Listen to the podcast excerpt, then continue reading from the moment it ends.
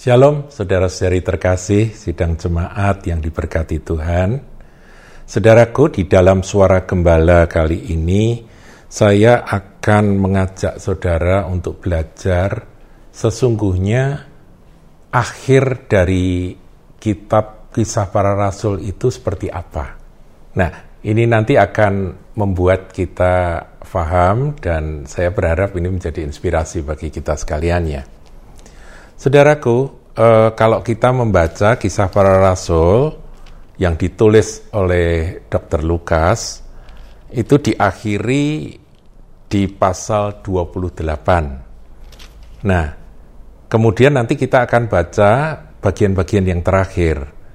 Nah, di dalam perikop yang terakhir dari kisah para rasul yang kita miliki, itu judulnya ya ini ini diberi judul pembicaraan dengan orang Yahudi di Roma. Jadi rupa-rupanya ini adalah kisah di mana Rasul Paulus sudah tiba di Roma karena memang Rasul Paulus kan dibawa untuk menghadap dan atau naik banding ke kaisar. Jadi dia sebagai warga negara Romawi dia sudah tiba di Roma untuk ini apa membela diri di hadapan pengadilan Roma. Nah, saudaraku, uh, sampai di Roma, Paulus tidak terlalu memusingkan tentang urusan pribadinya, bagaimana dia membela diri, kok dia dijadikan uh, narapidana begitu ya. Itu tidak terlalu memusingkan dia atau jadi masalah buat dia, tapi Paulus cari celah, cari peluang bagaimana untuk mengabarkan Injil kepada semua orang. Nah, tentunya sasaran pertama dari orang yang tertarik pada Injil pada zaman itu, pada masa itu adalah orang-orang Yahudi yang diaspora, yang mereka ada tinggal di seluruh wilayah Roma, wilayah jajahan Roma, dan bahkan di kota Roma pun ada banyak orang Yahudi rupa-rupanya. Nah, saudara, kita lihat di sini dalam perikop mulai ayat 17 sampai akhir dari kisah para rasul, kita jumpai kisah bagaimana Paulus memang ngundang orang-orang tokoh-tokoh Yahudi yang ada di Roma karena dia se seorang seorang apa ya seorang tokoh ahli Taurat seorang tokoh Farisi yang yang ngerti banget soal keyahudian. Jadi akrab gitu ya buat Rasul Paulus untuk bicara dengan mereka dalam bahasa mereka, budaya mereka itu Paulus fasih sekali. Jadi Paulus pakai kesempatan itu untuk mengundang. Ya di sini dikatakan ayat 17 tiga hari kemudian Paulus memanggil orang-orang terkemuka bangsa Yahudi dan setelah mereka berkumpul kemudian Paulus mulai bicara. Nah, Paulus bicara apa? Menjelaskan tentang Yesus Kristus, Sang Mesias, dan tentang kerajaan Allah. Maksudnya apa? Lah? Injil diberitakan di sini kepada orang-orang Yahudi. Nah, kita lompat aja, saudaraku, bagaimana mereka akhirnya uh, jadi curious, jadi ingin tahu, ya, mereka pengen dengar apa yang menjadi uh, teori atau pandangan dari mazhab yang dianut oleh Paulus ini, kita lihat ayat 23, saudara. Lalu mereka menentukan suatu hari untuk Paulus. Jadi mereka yang menentukan harinya. Pada hari yang ditentukan itu datanglah mereka dalam jumlah besar. Wah rupanya animonya cukup lumayan saudaraku. Ke tempat tumpangannya. Ia menerangkan dan memberi kesaksian kepada mereka tentang kerajaan Allah. Paulus kan mengalami perjumpaan pribadi ya dengan Tuhan Yesus ya. Jadi dia kesaksiannya pasti diurapi Roh Kudus luar biasa.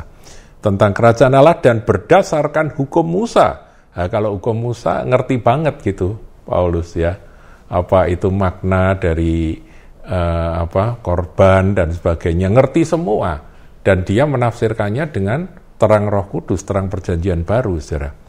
Dan kitab para nabi juga dia menjelaskan semuanya. Nabi Yesaya uh, kitab Mazmur tentang penyalipan dia pasti sampaikan itu semua dan ia berusaha meyakinkan mereka tentang siapa saudara Yesus Jadi ayat 23 itu mencoba meyakinkan mereka tentang Yesus. Memang fokus dari Injil, inti dari Injil itu adalah pribadi dari Tuhan kita Yesus Kristus.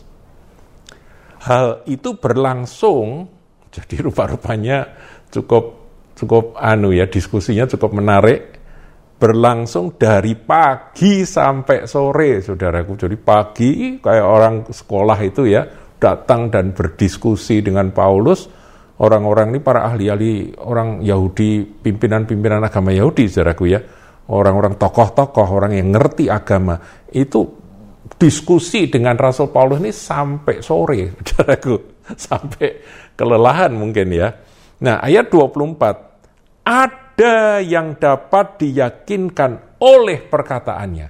Nah, saudaraku di sini saya menangkap akan karya Roh Kudus itu rupa-rupanya ketika Paulus memberitakan Injil dengan cara tentunya dengan cara berdialog berdiskusi itu Roh Kudus bekerja.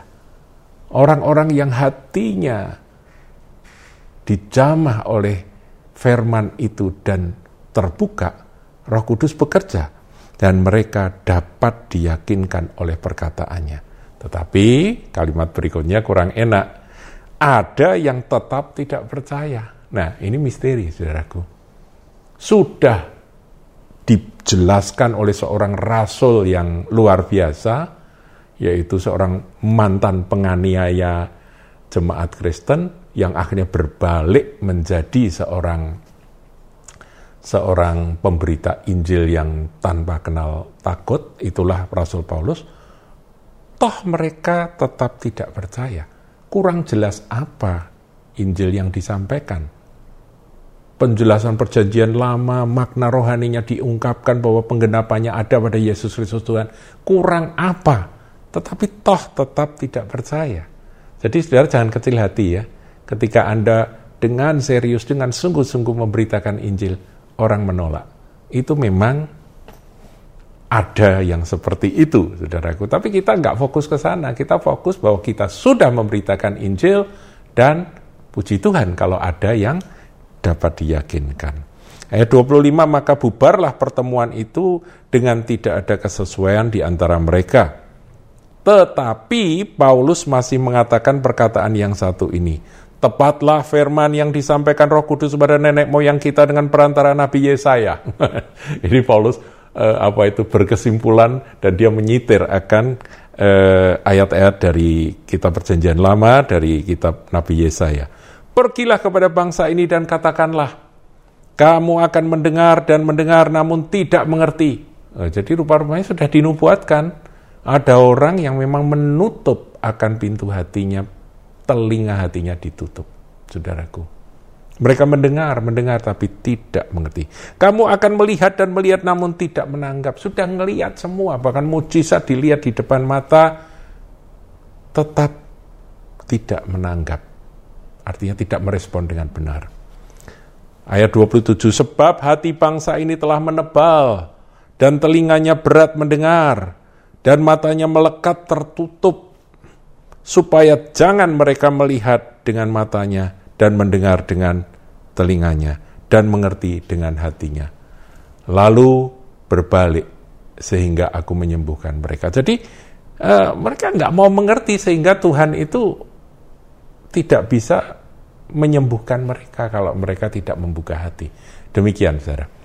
Nah, kemudian ayat 28, ya ini kita lanjut ya, ini sudah menjelang akhir dari tulisan eh, Dr. Paul, Dr. Lukas tentang tentang kisah para rasul. Sebab itu harus kamu ta, kamu harus tahu bahwa keselamatan yang daripada Allah ini disampaikan kepada bangsa-bangsa lain dan mereka akan mendengarnya.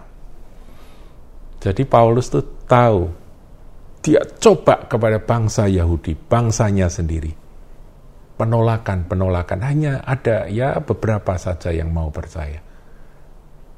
Dan dia mengerti bahwa penolakan mereka akan membuat Injil itu diberitakan kepada bangsa-bangsa kafir. bangsa-bangsa lain. Ayat 29 dan setelah Paulus berkata demikian, pergilah orang-orang Yahudi itu dengan banyak perbedaan faham antara mereka. Nah, lanjut saudaraku, ini adalah penutup dari kisah para rasul.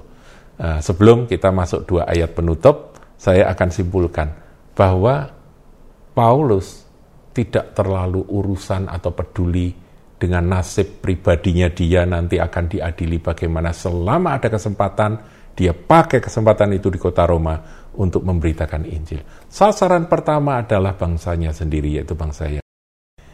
Dan memang ada yang diyakinkan, ada yang menolak, tetap tidak mau menerima. Sampai Paulus berkesimpulan, oh genaplah ayat-ayat firman yang disampaikan oleh Nabi Yesaya ini. Nah kemudian saudaraku, dua ayat berikut atau ayat yang terakhir, ayat 30 dan 31. Ini menarik untuk direnungkan. Dan Paulus tinggal dua tahun penuh di rumah yang disewanya sendiri itu ia menerima semua orang yang datang kepadanya. Nah, saya percaya orang ini bukan orang Yahudi saja, tapi orang-orang Yunani, bangsa-bangsa lain mulai berdatangan. Ya, karena pada waktu itu kota Roma menjadi pusat dari segala suku saudara. Mulai Paulus memberitakan Injil. Orang-orang Yahudi yang sudah menolak ya tidak mau datang lagi pasti. Kalau yang hatinya terbuka dimuridkan oleh Paulus. Nah ayat 31 ini penutup saudaraku.